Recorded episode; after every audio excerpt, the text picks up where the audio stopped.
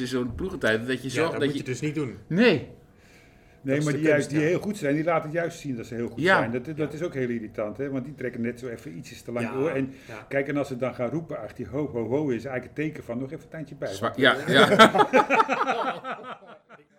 Het mooiste was ook nog, dat was met een andere renner. Ja. En die ging ook zo met Raas praten. En eh, dan zegt die renner tegen Raas van, ja, maar ik kan bij Lotto veel meer verdienen. Raas, ik bel even Lotto op, vraag of het waar, waar is. Oh, Nee, dat is helemaal niet waar. Stond, stond, zat je daar voor lul, hè? zo hè. Dus ja, zo werd er onderhandeld eigenlijk. Zo. Oh. Het is- eigenlijk is het heel goed dat er voor sommige renners wel managers zijn natuurlijk, of voor de meeste. Want ja, zo één op één Ja. met de ploegleider, dat is- dan sta je heel zwak. Intimiderend. Intimiderend is dat gewoon, hè?